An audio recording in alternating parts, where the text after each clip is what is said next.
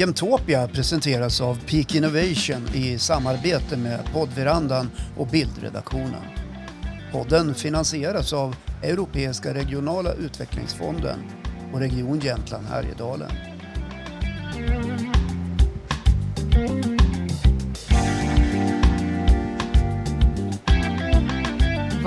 Välkomna till Jämtopia, podden där vi pratar om saker som innovationer, entreprenörskap och drivkrafter och en massa annat såklart. Gärna med koppling till Norrland, men inte alltid så. Varmt välkommen också dagens gäst Martin Daniels som är innovationschef på Synsam Group som håller på att etablera sin produktion i Östersund på Frösön faktiskt. Och Håkan Lundqvist, producent och sidekick. Eh, och eh, vi är ju uppe på Åre Business Forum och spelar in den här gången som kanske hörs. Hur mår ni? Martin, hur har du det? Jag mår jättebra. Det är superhärligt att vara här. Intressanta dagar, mycket intressanta människor att träffa. Så att eh, det brukar vara väldigt eh, bra eh, saker man får med sig härifrån.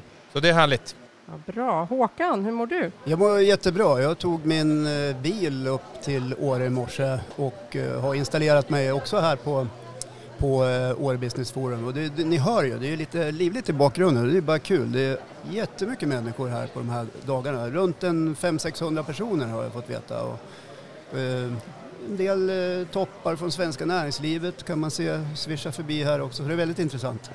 Mm. Näringsliv, politiker möts, konfererar och minglar uppe på Åre Business Forum som ju ibland kallas för Nordens Davos eh, faktiskt. Martin, Synsam Group, ni håller alltså på att etablera er produktion uppe i Jämtland. Ni har flyttat den från Asien till Sverige. Ta oss igenom resan för de som inte vet. Tankar och drivkrafter bakom det beslutet? Ja, gärna. Jag kan väl börja kort med att presentera Synsam lite vad vi är för typ av bolag. Vi är ju marknadsledare inom ögonhälsa och optik i Norden. Vi har 500 butiker runt om i Sverige, Norge, Finland och Danmark. Vi har eh, ett stort fokus på kund, innovation och hållbarhet. Och vi har de senaste åren byggt upp en egen portfölj av varumärken på bågar och solglasögon som är ungefär hälften av vår försäljning. Och nu när vi då har nått dit så har vi sett att vi kan ju faktiskt då använda den plattformen som ett sätt att eh, göra skillnad. Och vi ser att eh, våra konsumenter efterfrågar hållbara val. Och eh, att faktiskt kunna ta hem produktionen till Norden, till Sverige, till Jämtland och Frösön. Det är något eh, helt unikt i vår bransch, vi är först där. Och eh, egentligen så är det som i allt vi gör kopplat till kundvärde. Det är egentligen så att våra kunder efterfrågar närproducerade och även mer hållbara val. Och det ska vi naturligtvis ge dem. Så det är hela grunden. Sen är det också ett sätt för oss att som bolag göra skillnad, att minska vårt klimatavtryck och faktiskt bidra till en positiv, positiv värld. Varför blev det just Jämtland då? Men vi utvärderade ett antal olika orter och eh, dels så hittade vi en bra plats på Frösön med eh, en bra hyresvärd i Frösö Park. Men eh, det som kanske var minst lika viktigt var ju den inställning och den samarbetsvilja som eh, vi mötte från kommun, region och även eh, akademi, Mittuniversitetet och privata aktörer som gick samman och skapade de förutsättningar som, som gjorde att valet var enkelt. Vilka förutsättningar är det om man ska liksom dyka lite i det? Vad, vad är det som en kommun och ja, tjänstemän, politiker behöver åstadkomma för att locka ett eh, företag så här? Ja, men det var ju eh, i det här fallet då resurser från eh, näringslivsrepresentanter eh, på, på kommun, regionen som samverkade, som plockade ihop eh, både privata och eh, offentliga aktörer gällande att hitta folk, rekrytera, få hjälp med det. Så att det är egentligen en, en kundfokuserad palett av allt som behövs. Vi behövde naturligtvis en plats att vara på. Vi fick hjälp av kommunen att eh, få kontakt med potentiella hyresvärdar. Fick hjälp att titta på ett antal olika lokaler och sen föll valet just där då på, på Frösö Park. Och sen så eh, att man var villig att investera, skapa förutsättningar för infrastruktur, busslinjer etc. Som, eh, som gjorde det möjligt att faktiskt bedriva en verksamhet på Frösön. Mm. Får jag fråga en sak? Norrland är ju stekhett som tillväxtområde. Det sker ju massvis med etableringar, mm. stora etableringar i hela mm. Norrland. Spelade det någon roll för valet för er del att vi vill vara i Norrland? Nej, egentligen inte. Egentligen var det, var det andra faktorer som, som spelade in. Sen finns det ju, upptäckte vi som en positiv följdeffekt, en massa duktiga entreprenörer, bolag som vi gärna vill samarbeta med. Vi vill ju också inte bara tillverka här utan hitta samarbetspartners gällande material som vi använder i våra bågar, eh, material som vi använder i våra fodral och så vidare. Men betyder att... det att ni kommer att jobba med eh, underleverantörer eller andra entreprenörer från eh, Eh, vår region eller Norrlandsområdet? Ja, ambitionen i hela den här flytten då från eh, framförallt Asien och Italien har ju varit att vi ska flytta hela flödet, materialanskaffning och annat, så nära våran marknad som, som möjligt då. Och vi opererar ju i Norden, så att i den mån vi kan hitta samarbetspartners här så är ju det en fördel och eh, det ska vi försöka göra. Sen är det ju här en ny bransch i, eh, i Norden och Sverige. Det finns inte underleverantörer som gör småskruvar och, och komponenter.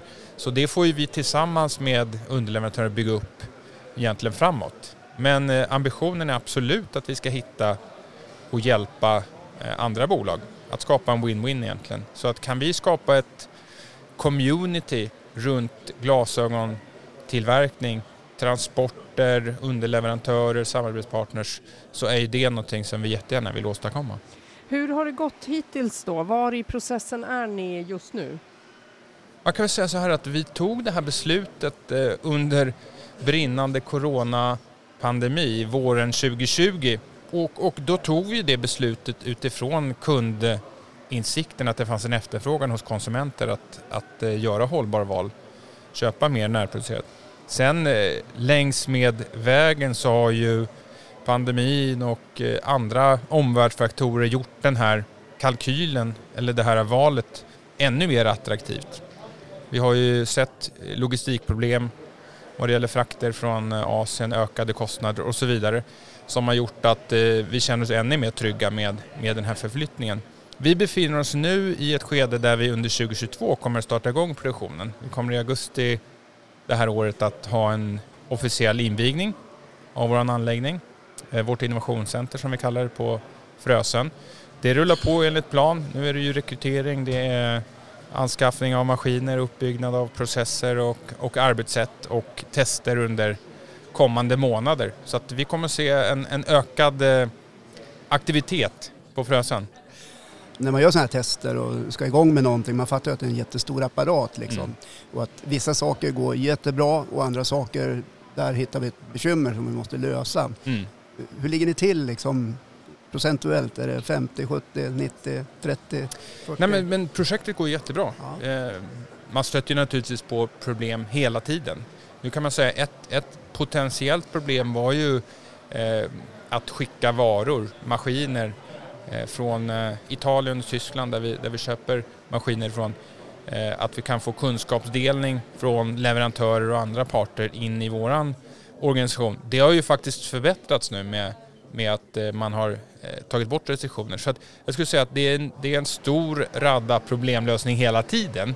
Men eh, det går fantastiskt bra och vi följer våran plan så att vi ser fram emot att, att kunna lansera de första produkterna här under under året i butik. Hur har det varit rekryteringsmässigt då? Har ni kunnat få tag i dem ni behöver och vill de bo i Östersund eller på Frösön och så vidare? Ja, men som, som Håkan var inne på här, det är ju en, eh, en attraktiv plats att vara på, Östersund och Jämtland och det är ju inflyttning till, eh, till regionen och eh, vi ser att det finns mycket kompetent personal och medarbetare som vi har knutit till oss. Vi har ju rekryterat en fabrikschef och produktionsledning där många kommer ifrån från Jämtland och har, har drivit eller varit med och drivit framgångsrika bolag här. Det som eh, vi mm. behöver bygga upp är ju den specifika glasögontillverkningskompetensen som egentligen inte finns i Sverige. Så här går ju vi först och då är, handlar det om att vi behöver importera en del kompetens på kort sikt har samarbetspartner som hjälper oss att bygga upp den här specifika tillverkningskompetensen.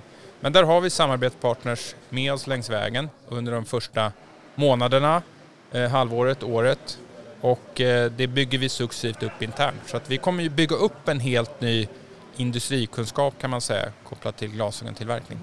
Ni kallar ju fabriken för innovationscentrum. Vad, vad är innovation inom er bransch, inom glasögonbranschen just nu? Mycket av innovationen handlar ju om hållbarare material, hållbarare produktionsprocesser, transport och så vidare. Hållbarhet är ju någonting som är Eh, aktuellt för en nordisk konsument vad det gäller glasögon. Branschen har varit ganska dålig där, man har jobbat med konventionella material ganska länge. Acetat, plast, metall. Och där vill ju vi inte bara flytta hem produktionen till Sverige och komma närmare på så sätt minska transporter utan vi vill ju även utveckla eh, de material som man gör glasögon av. Vad kan det vara till exempel? Ja, vad kan det vara? Ja, men vad finns det för material egentligen i, i, eh, i Sverige och Norden som vi kan använda oss av? Vi har mycket trä. Är det möjligt att, eh, att använda den typen av råvaror? Eh, finns det metaller? Finns det återvunna metaller och plaster som vi kan använda för att på så sätt minska användningen av jungfruliga material i processen? Och sen naturligtvis ta hand om spill i, i produktionen och på så sätt minska användningen. Och det här är ju hållbara, hållbara val som också blir kommersiellt lönsamma. Kan vi minska materialåtgången, kan vi särskilja vårt erbjudande med mer hållbara material, då vet vi att våra kunder kommer att välja de produkterna. Det har vi sett i tidigare kollektioner med hållbara material, att vi särskiljer oss på marknaden, attraherar nya kundgrupper och på så sätt kan vi, kan vi göra hållbarhet till en lönsam affär. Hur ser marknaden ut för er då? Vad är utmaningarna och vilka är de största konkurrenterna? Det finns jättemånga duktiga konkurrenter i den här branschen. Ehm, vi har ett antal aktörer som finns över Nordens gränser. Ehm, ett par spelare som Specsavers och eh, Grand Vision som opererar under Synsam, eh, Synoptiks varumärke i, i Sverige och andra varumärken runt om i de andra nordiska länderna. Sen finns det en mängd små aktörer, enskilda optiker, som, eh, som väl har lite svårare att hänga med i den omställning som sker nu. Och omställningen i den här branschen handlar ju dels om hållbarhet som jag varit inne på men också digitalisering. Att satsa på nya sätt att möta kunden. I vårt fall så har vi gått under de senaste fem åren från att egentligen vara en enbart butiksverksamhet till att vi i dagsläget har 70 procent av våra kunder som interagerar, interagera med oss både i butik och på nätet. Så att investera i digitala touchpoints som stöttar den fysiska kundresan som det i mångt och mycket är och sen hela eh, utvecklandet och kunderbjudandet. Vi har ju varit väldigt lyckosamma med en abonnemangsform där vi eh, hyr ut glasögon och täcker fler kundbehov och eh, också på så sätt kan ta bort en del av kundproblemen med att synen förändras i, i steg. Så att det kan vara så att en kund köper ett par glasögon och sen tre till sex månader senare så förändras synen och man behöver köpa ett par nya. Den typen av kundproblem har vi försökt lösa med abonnemanget och de satsningarna kräver en del kapital. Och såklart även att, att flytta hem produktionen är ju en, är en kostsam historia. Så det är en liten sån... Eh, vi, vi, ser att de, de stora som kan investera så som Synsam blir väldigt lyckosamma och vinner på marknaden. Sen behöver man ha, ha ögonen öppna, örat mot rälsen vad det gäller nya aktörer, innovativa aktörer. Vi har sagt att ska någon utmana den gängse optikaktören så ska det vara vi själva. Så jag jobbar ju till exempel med ett separat brand som heter Eye där vi har sedan 2018 egentligen jobbat med en väldigt digitaliserad modell där man kan göra synundersökning online, man kan testa bågarna virtuellt, man kan genomföra köpet online. För att ska någon utmana modellen så ska det vara vi själva. Så vi ligger väldigt mm. långt fram där också på det digitala. Hur knyter ni till er, förlåt Bea, jag tar om där. Nej, kör du. Hur knyter ni till er den kompetensen då, den digitala kompetensen? Det var en utmaning från början för att vi var ju en ganska gammaldags bransch. det här är en av eh, retail-sektorerna där onlineifieringen eh, har gått långsammare så att säga. Det är en typ av produkt där det finns element som gör att det är en fysisk eh, närvaro som är väldigt viktig med en optiker, med en medicinsk utrustning. Ett kundbehov som handlar om att faktiskt eh, behöva testa bågarna fysiskt på sitt eget ansikte för att hitta rätt så att säga. Så att där hade vi en utmaning i början med att rekrytera den typen av, av eh, kompetens. Sen var vi, hade vi tur att få in en duktig lead-person, en utvecklingschef som sen då kunde skapa attraktionen hos, eh, hos en mängd utvecklare. Så nu har vi ett starkt digitalt utvecklingsteam in-house. Där vi tidigare var eh, beroende av externa leverantörer och konsulter så har vi det dels som del av vår kärna egentligen. Så ni gör ett ganska rejält innovationskliv då ifrån det traditionella till den nya världen om vi får kalla det så. Precis, och den nya världen i det här fallet är, en, är verkligen en omnimodell. Att sju av tio kunder möter oss online. De kan göra, boka en synundersökning eller de kan faktiskt genomföra en syncheck online. Man kan testa bågar virtuellt. Du kan hantera ditt abonnemang efter att du har, har handlat och du kan chatta och naturligtvis möta, möta oss online och bli inspirerad också vad det gäller bågval. Så att eh, butiken är superviktig för oss men det digitala är ett superviktigt komplement. I Stockholm och Göteborg i alla fall så har det ju poppat upp aktörer som kör helt utan optiker, bara digitalt. Du kan gå in, få en synundersökning i en ganska avancerad apparat, prova bågarna digitalt och så kan du köpa ett par glasögon för kanske 600-700 kronor. Hur, hur ser ni på den eh, typen av konkurrens? Nej, men det är ju eh, som jag sa med AI, vi har ju jobbat med det här sedan 2018 och man kan säga om man backar bandet ännu längre så går det 10-15 år tillbaka till, eh, och vi, vi går till USA, så eh, etablerades en aktör som heter Warby Parker då. Det var två collegestudenter som tyckte att men glasögon är ju en ganska dyr produkt. Ehm, det här bör man kunna flytta online. Så de startade ett brand som heter Warby Parker. Gick direkt till konsument online med bra låga priser och med en snygg design och en, och en schysst paketering och lyckades bygga det där ganska bra men insåg ganska tidigt att de behövde faktiskt in i fysisk handel. För den här typen av produkt har massa element som gör att man behöver träffa en optiker, det är en medicinsk utrustning, det är väldigt mycket rådgivning både vad det gäller glaset och även att hitta en båge som passar en stil. Plus att det är en, en produkt som man handlar relativt sällan. Handlar du eh, till exempel mat, ja, men då, då kan du ha ett stort värde av att varje vecka kan jag beställa online. Men glasögon har lite annan dynamik och det är mycket rådgivning i köpet. Så kunden är generellt ganska har, har ett kunskapsunderläge där optikern och säljaren, om de är duktiga i ett kundmöte, kan hjälpa kunden.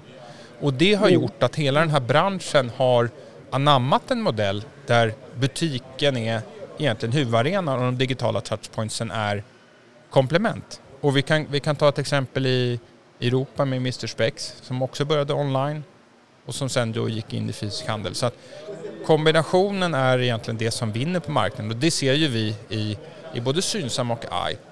Vi har kört eh, på AI, går det att göra synundersökning online utan en, eh, en optiker. Eh, men det vi ser kunderna faktiskt väljer är att gå in och göra en komplett synundersökning. För att en maskin ersätter ja, 80 procent kanske av en refraktion, att hitta en styrka. Men det finns saker med ögonsjukdomar och ögonhälsa som, som man inte upptäcker i en sån maskin. Och där ser vi nu, ögonhälsa är ett stort samhällsproblem och eh, de flesta kunder, i princip alla, väljer att komma och träffa en, en riktig optiker. Vad är visionen för, för fabriken på Frösön? Jag vet att ni kallar det bland annat för ett utbildningscenter inom ögonhälsa. Vad är det som ska ske där på, på fabriken?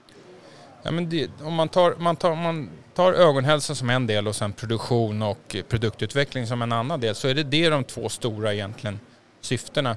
Ögonhälsa som jag sa, det är ett samhällsproblem. Sju av tio eh, nordbor har ett synfel. Och det går ner i åldrarna. Faktiskt sex av tio ungdomar mellan 8 och 16 har ett synfel. och många blir inte, får inte hjälp. Man, blir inte, eh, man upptäcker inte synfelet. Plus att vi har en digitaliserad värld där vi sitter framför skärmar. Våra barn sitter framför skärmar i skolan och exponeras för ett, ett blått ljus som faktiskt är skadligt för ögonen. Man, sitter, man är inte lika mycket utomhus som man har varit tidigare vilket också påfrestar ögonen. Så det är ett ökande samhällsproblem här. Och det handlar inte bara om att hitta en, en, ett par glasögon med rätt synstyrka utan det handlar om att vi kommer att ha ögonsjukdomar och annat som ökar. Så där ska ju vi som aktör, som marknadsledare också expandera våran, vårt, eh, vårt erbjudande och använda den kompetensen som optiken har att vara en förlängning av, av vårdkedjan. Så vi ser ju att ögonhälsoforskning och eh, satsningar på ögonhälsa kommer vara en viktig del av hur synsen ser ut framåt. Den andra delen är ju produktionen och, och hela det vi pratar om med att fasa in nya, mer hållbara alternativa material. Så det är de två delarna egentligen. Kommer ni ha internationella samarbeten då i själva utbildningscentret? Vi kommer kunna ha både lokala och, eh, och internationella samarbetspartners där, absolut. Mm. Jag tycker det är intressant att höra hur, nu, hur du knyter ihop eh, det här begreppet innovationscentrum. Mm. För det var för mig en ganska stor fråga innan jag mm. förstod. Mm. Så att, det var jätteintressant att få höra hur du knyter ihop det mot och med växande problem med ögonhälsa och så vidare. Mm. Ja, det var bara ett inspel. Hur spanar ni mot framtiden då? Vad, vad händer hos uh, Synsam Group och produktionen på Frösön inom fem och tio år om du får uh, spåna fritt och önska? Ja, det gör jag gärna. Nu, nu har vi en liten utmaning då att vi är börsnoterade sedan några månader så vi kan inte prata jättemycket om planerna framåt men det vi har kommunicerat är att vi vill ju flytta egentligen merparten av våran produktion från Asien och Italien till, till eh, Frösön och egentligen bli mer självförsörjande och det är ju både hållbarhetsperspektiv men också att vi kan bli snabbare i, ehm, i vår time to market. Vi kan alltså designa och sen få ut någonting i marknaden snabbare än våra konkurrenter. Vi kan testa små serier. Vi kan göra lite mer experiment. Så att vi tror ju att det här är en konkurrensfördel. Att vi bygger upp den här kompetensen närmare vår marknad gör ju att vi kan öka vår konkurrenskraft. Och vi, vi har ju kommunicerat att målbilden är ju att vi ska ha merparten av vår produktion på Frösön av egna varumärken då. Och att vi ska ha en personalstyrka eh, upp mot 200 personer. Så att eh, vi ser att det här kommer bli en jätteviktig del av vårt erbjudande, vad som särskiljer oss som bolag. Hur mycket kommer du själv tillbringa, hur mycket tid kommer du själv tillbringa i Jämtland?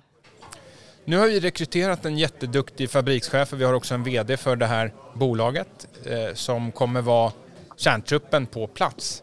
Så att, eh, men naturligtvis blir det en jätteviktig arbetsplats för oss där vi kommer att ha mycket duktiga och viktiga medarbetare. Så att, eh, jag kommer absolut vara här med, med jämna mellanrum. Ja, vi ska börja avrunda här eh, från Åre Business Forum där vi alltså pratar med Martin Daniels som innovationschef på Synsam Group som håller på att etablera sin produktion på Frösön utanför Östersund. Martin, först skulle jag bara vilja höra vad du ser mest fram emot under den kommande våren. Idag är det 31 mars då 2022. Vad längtar du efter och ser fram emot? Ja, men det, nu, ligger ju, nu ligger innovationscentret varmt om hjärtat så det är ju det är ju att se de första bågarna produceras där under våren. I, i testfas då, men när vi bygger upp det här och verkligen ser det bli verklighet. Det har ju varit en eh, eh en dröm och ett projekt som jag har jobbat med under flera år nu. Så att, att se det här verkligen bli verklighet och, och, bygga det teamet på plats, ja, men det ser jag väldigt mycket fram emot att se. Håkan, du då? Vad längtar du efter en sån här torsdag i mars? Nya glasögon höll jag på att säga. Då vet du vart det ska komma. Ja, precis. Nej, en sån här torsdag i mars så eh, jag vet inte riktigt vad jag längtar efter. Jag ser fram emot en eh, härlig vår och eh, många fler spännande möten med utav den här typen också. Mm. Och så om jag får slänga in att det blir en lösning på kriget i Ukraina vore ju härligt också faktiskt. Verkligen. Hörni, stort tack eh, både Martin Daniels och eh, Håkan Lundqvist och alla ni som har lyssnat förstås på Jämtopia. Tack själv.